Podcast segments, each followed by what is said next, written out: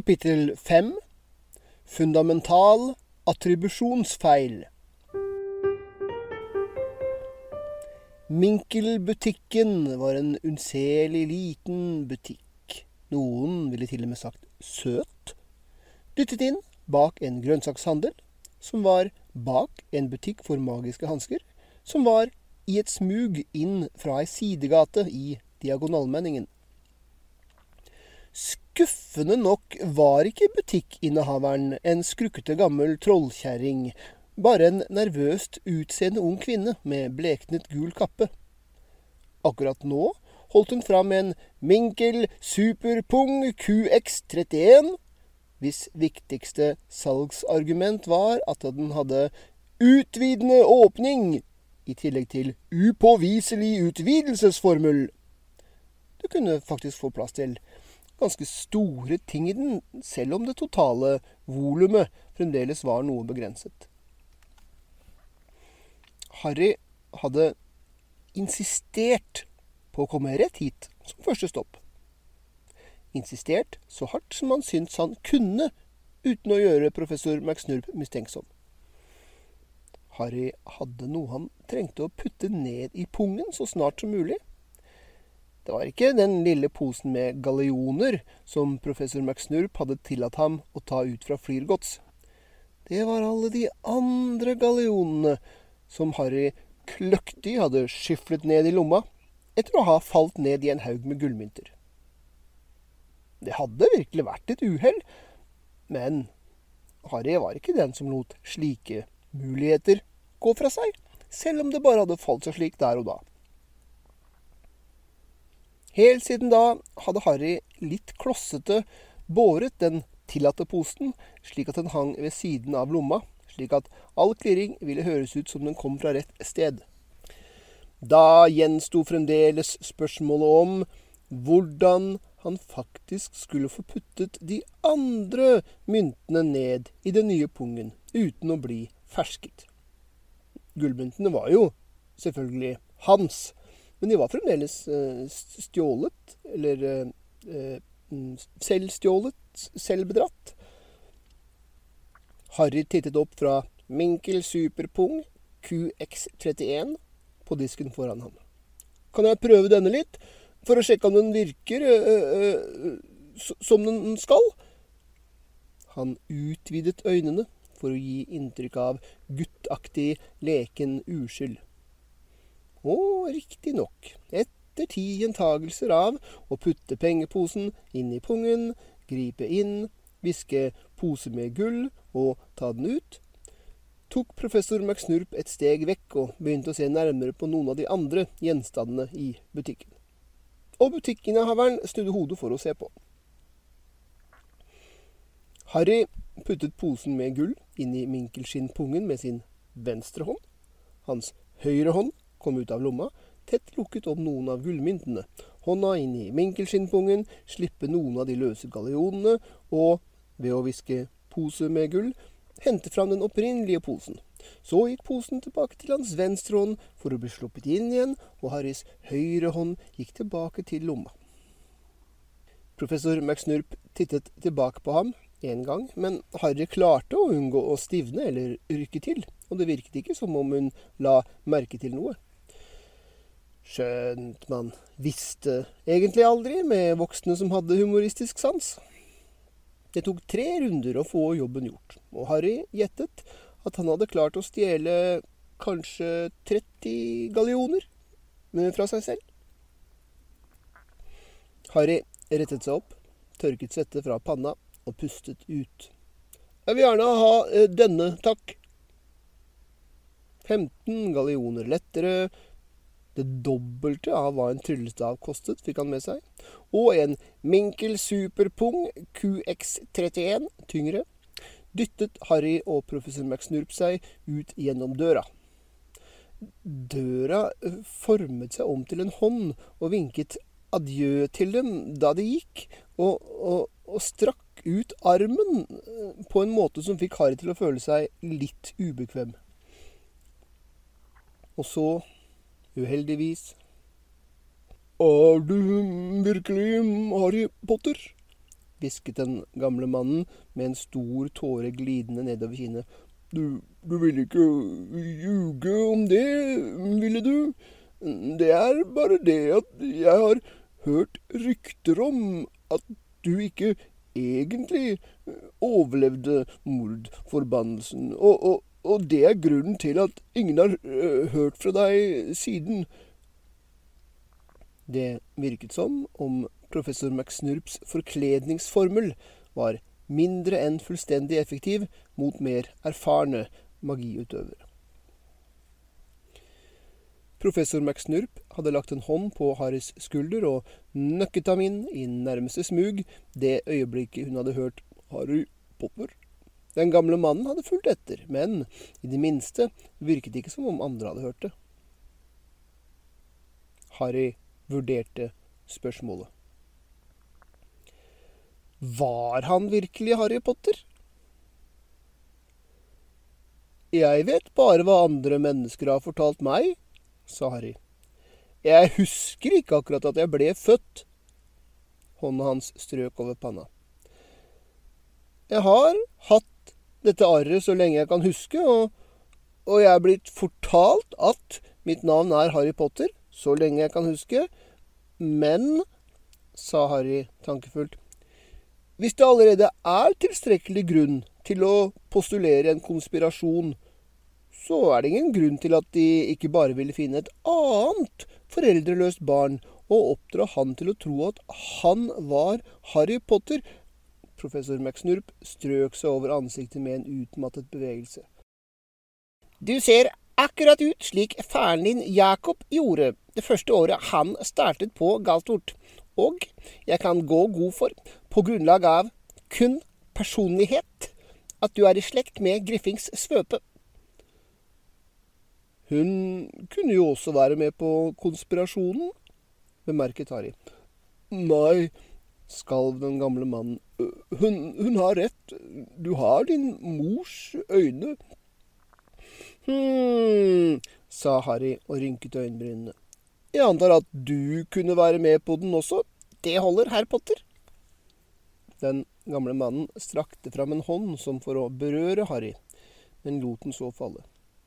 Jeg er bare glad for at du er i live, mumlet han. Tusen takk, Harry Potter. Takk for det du gjorde. Jeg skal la deg være i fred nå og stokken hans tappet sakte av gårde, ut av sidegata og ned hovedgata Diagonalmenningen. Til slutt så det ut til at professor McSnurp slappet av igjen. Det var ikke særlig hyggelig gjort, sa hun lavt. Jeg vet at du ikke er vant til dette, herr Potter, men folk bryr seg om deg. Forsøk å være vennlig mot dem, er du snill. Harry så ned på skoene sine. Du burde ikke, sa han med et snev av bitterhet. Bry seg om meg, mener jeg. Du reddet dem fra han du vet, sa professor McSnurp. Hvorfor skulle de ikke bry seg? Harry så opp på heksekvinnens stramme uttrykk under den spisse hatten hennes og sukket. Jeg antar at det ikke er noen mulighet for at hvis jeg sier fundamental attribusjonsfeil, så har du noen idé om hva det betyr? Nei, sa professoren med sin presise skotske aksent.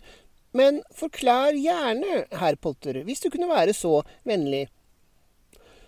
Vel, sa Harry mens han prøvde å tenke ut en måte å forklare denne spesielle biten av gompenvitenskap på. La oss si at du kom på jobb og ser kollegaen din sparke i pulten. Du tenker for en sint person han må være.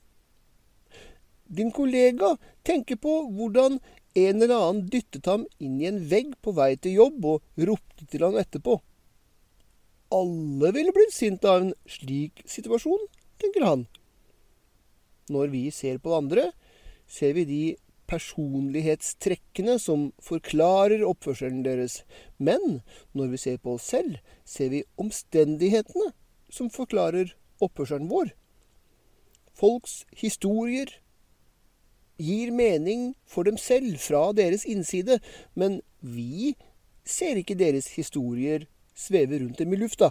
Vi ser dem kun i én situasjon, og vi ser ikke hvordan de ville oppføre seg i en annen. Så den fundamentale attribusjonsfeilen er at vi forklarer med en permanent, varig egenskap noe som ville være bedre forklart med omstendighet og sammenheng. Det var noen elegante eksperimenter som bekreftet dette, men Harry hadde ikke tenkt å begi seg ut på å beskrive dem. Heksas øyenbryn trakk seg helt opp til hattebremmen. Jeg tror jeg forstår, sa professor McSnurp sakte. Men hva har det med deg å gjøre? Harry sparket i murveggen hardt nok til at han fikk vondt i foten. Folk tror at jeg jeg reddet dem fra han du vet, fordi jeg er en eller annen form for lysets kriger. Han med makt til å overvinne mørkets herre, mumlet heksa med en merkelig ironisk klang. Ja, sa Harry, mens irritasjon og frustrasjon rev i ham fra hver sin kant, som om jeg overvant mørkets herre fordi jeg har en eller annen form for permanent ødelegg mørk herre-egenskap. Jeg var 15 måneder gammel da det skjedde. Jeg aner ikke hvordan det skjedde, men jeg antar at det hadde noe å gjøre med, som det heter, miljømessige omstendigheter. Og definitivt ikke noe å gjøre med min personlighet.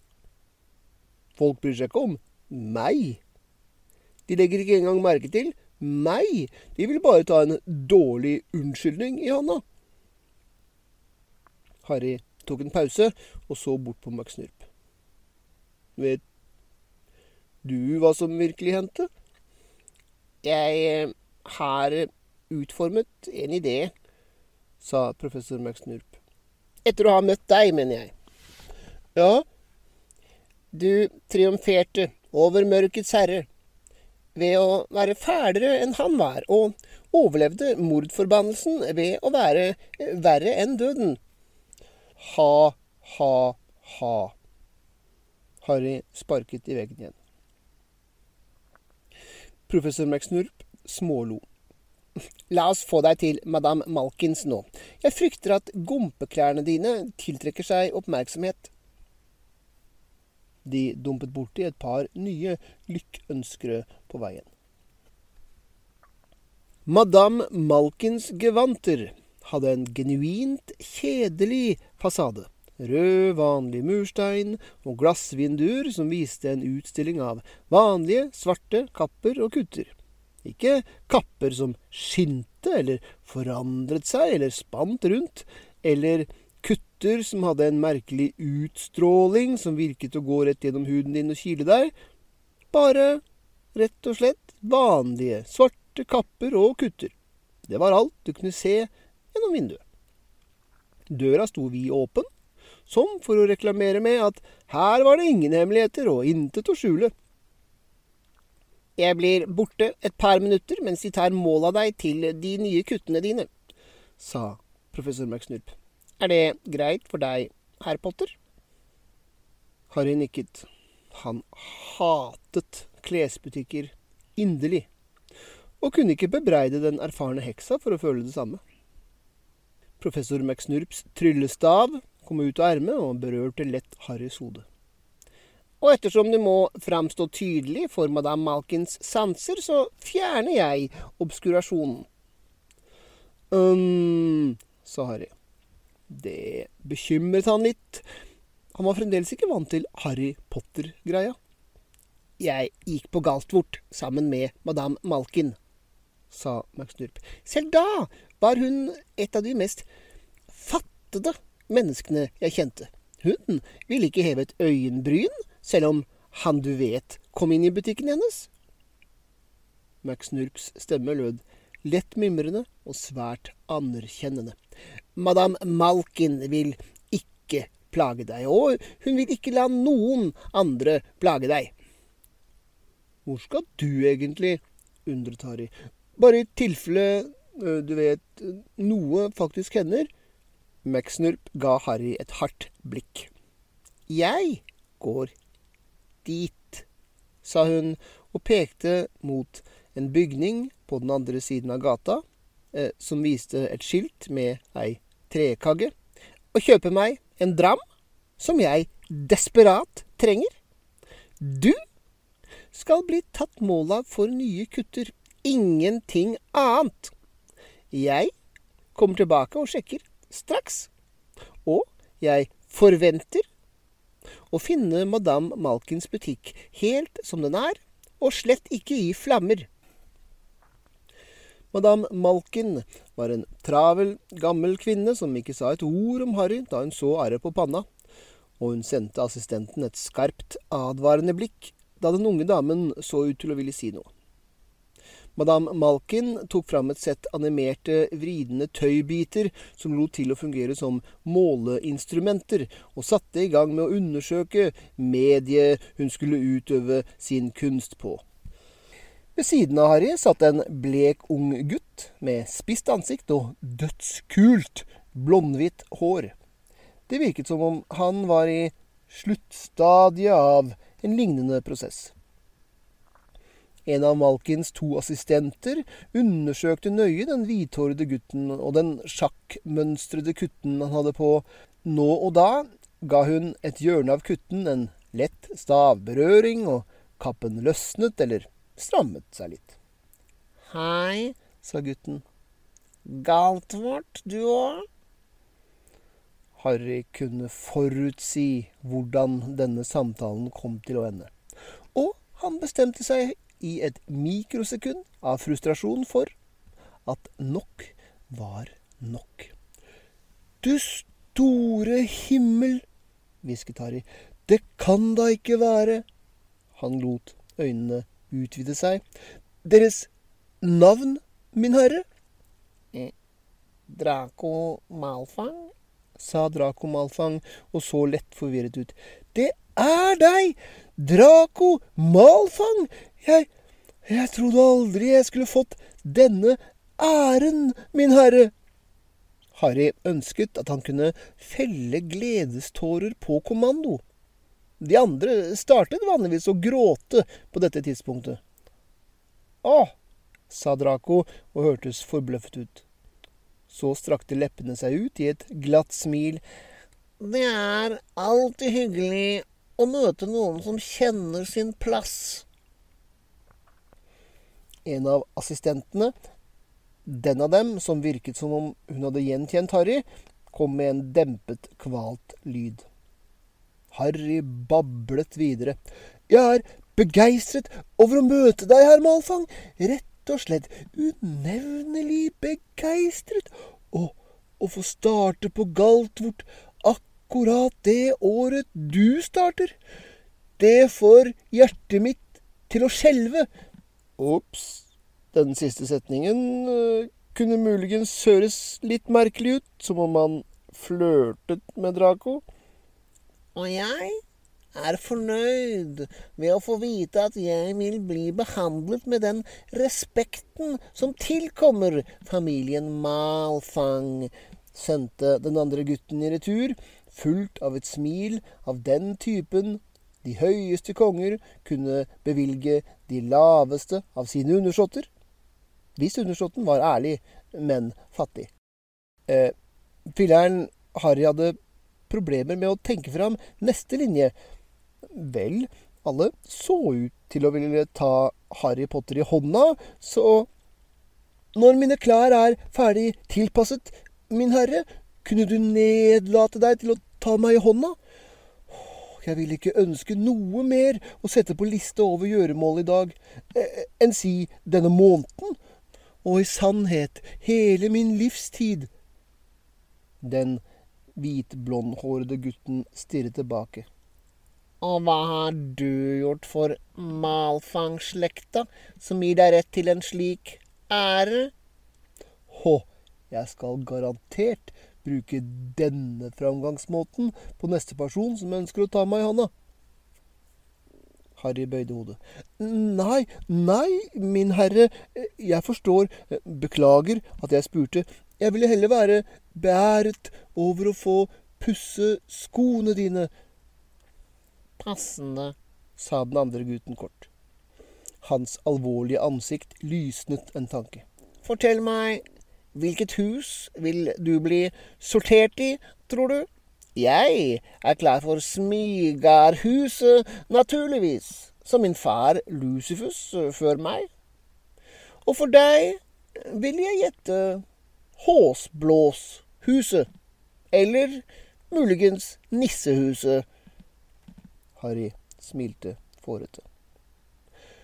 Professor McSnurp sier at jeg er den mest ravnkloiske personen hun noensinne har sett eller hørt fortelle om i legender, så mye av en slik at Rasla selv ville be meg om å gå mer ut, hva nå det enn betyr, og at jeg helt uten tvil vil ende opp i Ravnklohuset, med mindre hatten skriker så høyt at vi andre ikke klarer å høre noe. Sitat slutt. Wow, sa Draco Malfang, hørtes en tanke imponert ut. Gutten ga fra seg en slags ønskende sukk. Smiskingen din var finfin. Eller det syns jeg iallfall. Du ville klare deg bra i smygar også. Vanligvis er det bare faren min som får kryping av den klassen. Å, jeg håper de andre smygaringene vil smiske for meg nå som jeg er på Galtvort. Jeg antar at det er et godt tegn. Harry hostet. ja, vel, sorry, men uh, egentlig så har jeg ikke noe annet om hvem du er, altså. Å, kom igjen, da! sa gutten med sint skuffelse i stemmen. Hvorfor gjorde du det da, da? Dracos øyne utvidet seg med plutselig mistenksomhet. Og hvordan kan du ikke vite om malfangene? Og hva i all verden er de klærne du har på deg? Er foreldrene dine gomper? To av foreldrene mine er døde, sa Harry. Han følte et stikk i hjertet når han olet seg på den måten. Mine to andre foreldre er gomper, og det er de som har oppdratt meg. Hva? sa Draco. Hvem er du? Harry Potter. Eh, hyggelig å hilse på deg. Harry Potter? Gispet Draco. Den Harry Og gutten kuttet av brått. Det var en kort stillhet. Så, med hyggelig entusiasme, Harry Potter? Ah, den Harry Potter? Du store, jeg har alltid ønsket å møte deg. Butikkassistenten som holdt på med Draco, utstøtte en lyd som om hun holdt på å bli kvalt, men fortsatte å arbeide, og løftet Dracos arm for å forsiktig fjerne den rutete kappen. Hold kjeft, foreslo Harry. Kan jeg få autografen din? Å nei, nei, vent, jeg vil ha et bilde med deg først.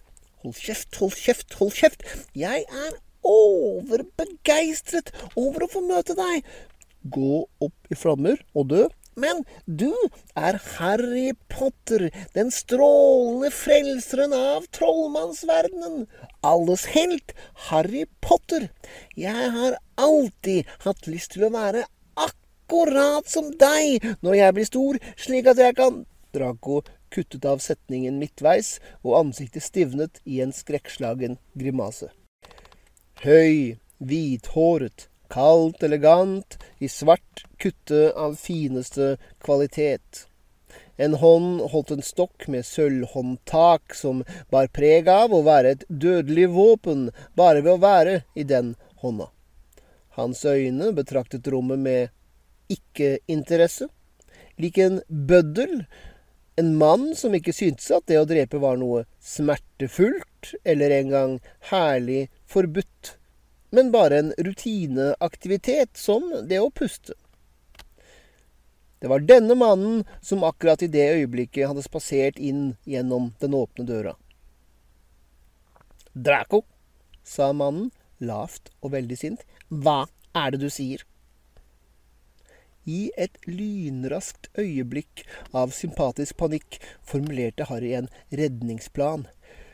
Lucifus Malfang! Gispet Harry. Den Lucifus Malfang! En av Malkins assistenter måtte snu seg og se mot veggen. Kalde, morderiske øyne betraktet ham. Harry Potter? Jeg er så, så beæret over å få møte deg! De mørke øynene utvidet seg. Sjokkert overraskelse erstattet dødelig trussel. Din sønn har fortalt meg alt om deg! buste Harry ut, knapt klar over hva som kom ut av munnen hans. Han bare snakket så fort som mulig. Men selvsagt visste jeg alt om deg før det.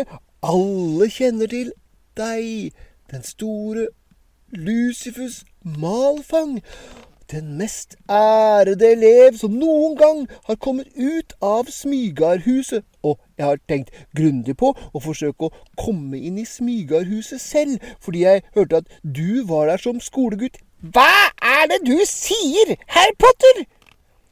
kom et nestenskrik fra utsiden av butikken, og professor McSnurp stormet inn et sekund senere. Uttrykket i ansiktet viste slik ren redsel at Harrys munn åpnet seg automatisk, og så blokkerte seg på ingenting å si. Professor Max Snorp! ropte Draco ut. Er det virkelig deg? Å, jeg har hørt så mye om deg fra min far. Jeg har tenkt grundig på å forsøke å bli sortert til Griffing, så jeg kan Hva? Gaulte Lucifus Malfang og professor McSnurp nøyaktig samtidig, stående ved siden av hverandre. Hodene deres snudde seg for å se på hverandre i dupliserte bevegelser, og så fjernet de begge seg raskt fra hverandre som om de deltok i synkrondans. Det var en brå virvel av handling mens Lucifus grep tak i Draco og halte ham ut av butikken. Og så var det stillhet. I professor McSnurps venstre hånd hang et lite drikkebeger tippet over på den ene siden i hastverket, og nå dryppet det alkohol ned i den lille pytten av rødvin som hadde oppstått på gulvet. Professor McSnurp skred inn i butikken til hun sto framfor madame Malkin. Madame Malkin? Sa professor McSnurp med behersket stemme. Hva har skjedd her? Madame Malkin tittet tilbake i stillhet i fire sekunder. Så sprakk hun i latter. Hun falt mot veggen, hveste ut latterhyl og det fikk begge assistentene hennes til å starte. En av dem falt ned på hender og knær og skoglo ukontrollert. Professor McSnurp vendte seg sakte mot Harry med et ekstremt kjølig uttrykk. Jeg lar deg være alene i seks minutter. Seks minutter, herr Potter. Presis på sekundet. Jeg bare tullet litt, protesterte Harry mens lyden av hysterisk latter fortsatte i nærheten. Draco Malfang sa foran faren sin at han ønsket å bli sortert til Griffing. Og tulle litt er ikke nok til å gjøre det. Professor McSnurp tok en pause, pustet dypt og synlig. Hvilken del av ta mål for kutter hørtes ut som vær vennlig å kaste en forflokningsformel på hele universet. Han var i en situasjonsbestemt kontekst der de handlingene ga intern mening. Nei, ingen forklaringer. Jeg ønsker ikke å få vite hva som har skjedd her, noensinne. Hvilke mørke krefter du enn har, så er det smittsomt. Og jeg ønsker ikke å ende opp som stakkars Draco Malfang, Stakkars madame Malkin og hennes to stakkars assistenter. Harry sukket. Det var tydelig at professor McSnurp ikke var i humør til å lytte til fornuftige forklaringer. Han tittet på madame Malkin, som fremdeles peste av latter mot veggen, og Malkins to assistenter, som nå begge hadde falt ned på kne, og til sist ned på sin egen kropp, som var dekket av måleinstrumenter. Jeg er ikke helt ferdig med å bli tatt mål av til kutter, sa Harry vennlig. Kanskje du bare kan gå tilbake og ta deg en drink til?